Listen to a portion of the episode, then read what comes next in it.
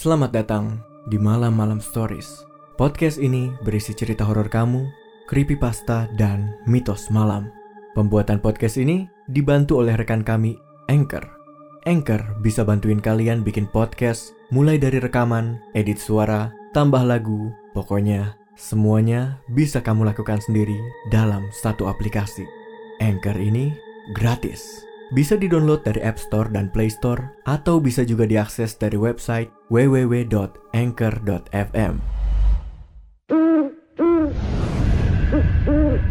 Malam-malam story.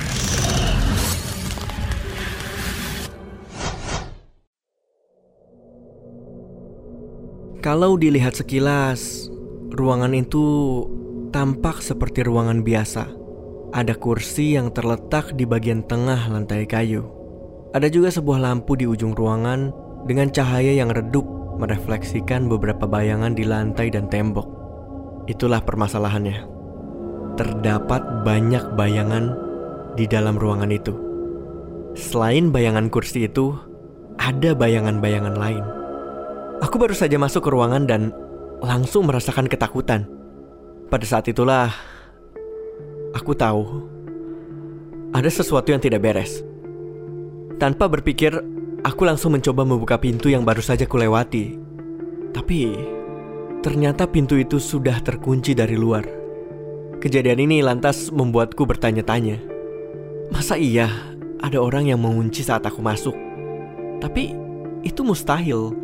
Karena seharusnya aku bisa mendengar suara pintu yang terkunci. Atau mungkin pintu ini otomatis terkunci. Ya, mungkin. Entahlah, saat ini aku tidak sanggup untuk memikirkannya. Aku menoleh lagi dan bayangan-bayangan itu hilang. Yang tersisa hanyalah bayangan kursi. Perlahan, aku mulai berjalan lagi. Mengingat dulu saat kecil, aku sering berhalusinasi. Jadi, aku menganggap bayangan itu tidak nyata. Aku merasa lebih baik saat aku sampai ke tengah ruangan. Aku melihat ke bawah sambil berjalan dan saat itulah aku sadar. Bayanganku tidak ada.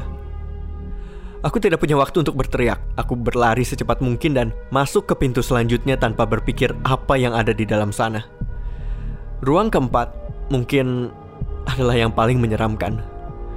Saat aku menutup pintu, semua cahaya seolah tersedot keluar dan dimasukkan kembali ke ruangan sebelumnya. Aku berdiri di sana, dikelilingi kegelapan dan tidak bisa bergerak. Punya pengalaman horor? Kirim cerita kamu ke www.malamalam.com. Punya keinginan bikin podcast? Langsung download Anchor dari App Store dan Play Store atau bisa juga diakses dari website www.anchor.fm. Anchor bisa untuk edit dan upload podcast kamu. Dan yang penting, Anchor ini gratis. Aku tidak pernah takut hanya karena gelap, tapi kali ini aku sungguh ketakutan. Tidak ada satupun yang bisa kulihat. Saat ini, aku hanya bisa menutup wajahku dengan tangan dan jika aku tahu apa yang harus kulakukan, pasti aku akan menjelaskannya. Namun, kegelapan ini sulit untuk digambarkan. Aku tidak bisa mendengar apa pun dalam suasana hening dan mencekam ini.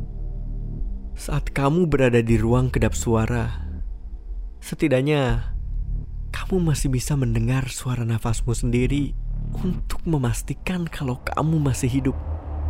Tapi aku bahkan tidak bisa mendengarnya. Aku hanya bisa bersimpuh dan satu-satunya yang bisa kurasakan hanyalah jantungku yang berdetak dengan sangat kencang. Tak ada pintu yang terlihat. Aku bahkan tidak yakin ada pintu lagi di sini. Kemudian, keheningan dipecahkan oleh dengungan pelan. Aku merasakan sesuatu di belakangku. Rasanya aku mau pingsan, tapi sekuat tenaga berusaha agar tetap sadar. Meski gelap, aku yakin ada sesuatu di sana. Dengungan itu semakin keras, semakin dekat, seolah mengelilingiku dan aku tahu suara itu jelas ada di depanku. Satu inci lebih dekat. Aku mundur selangkah.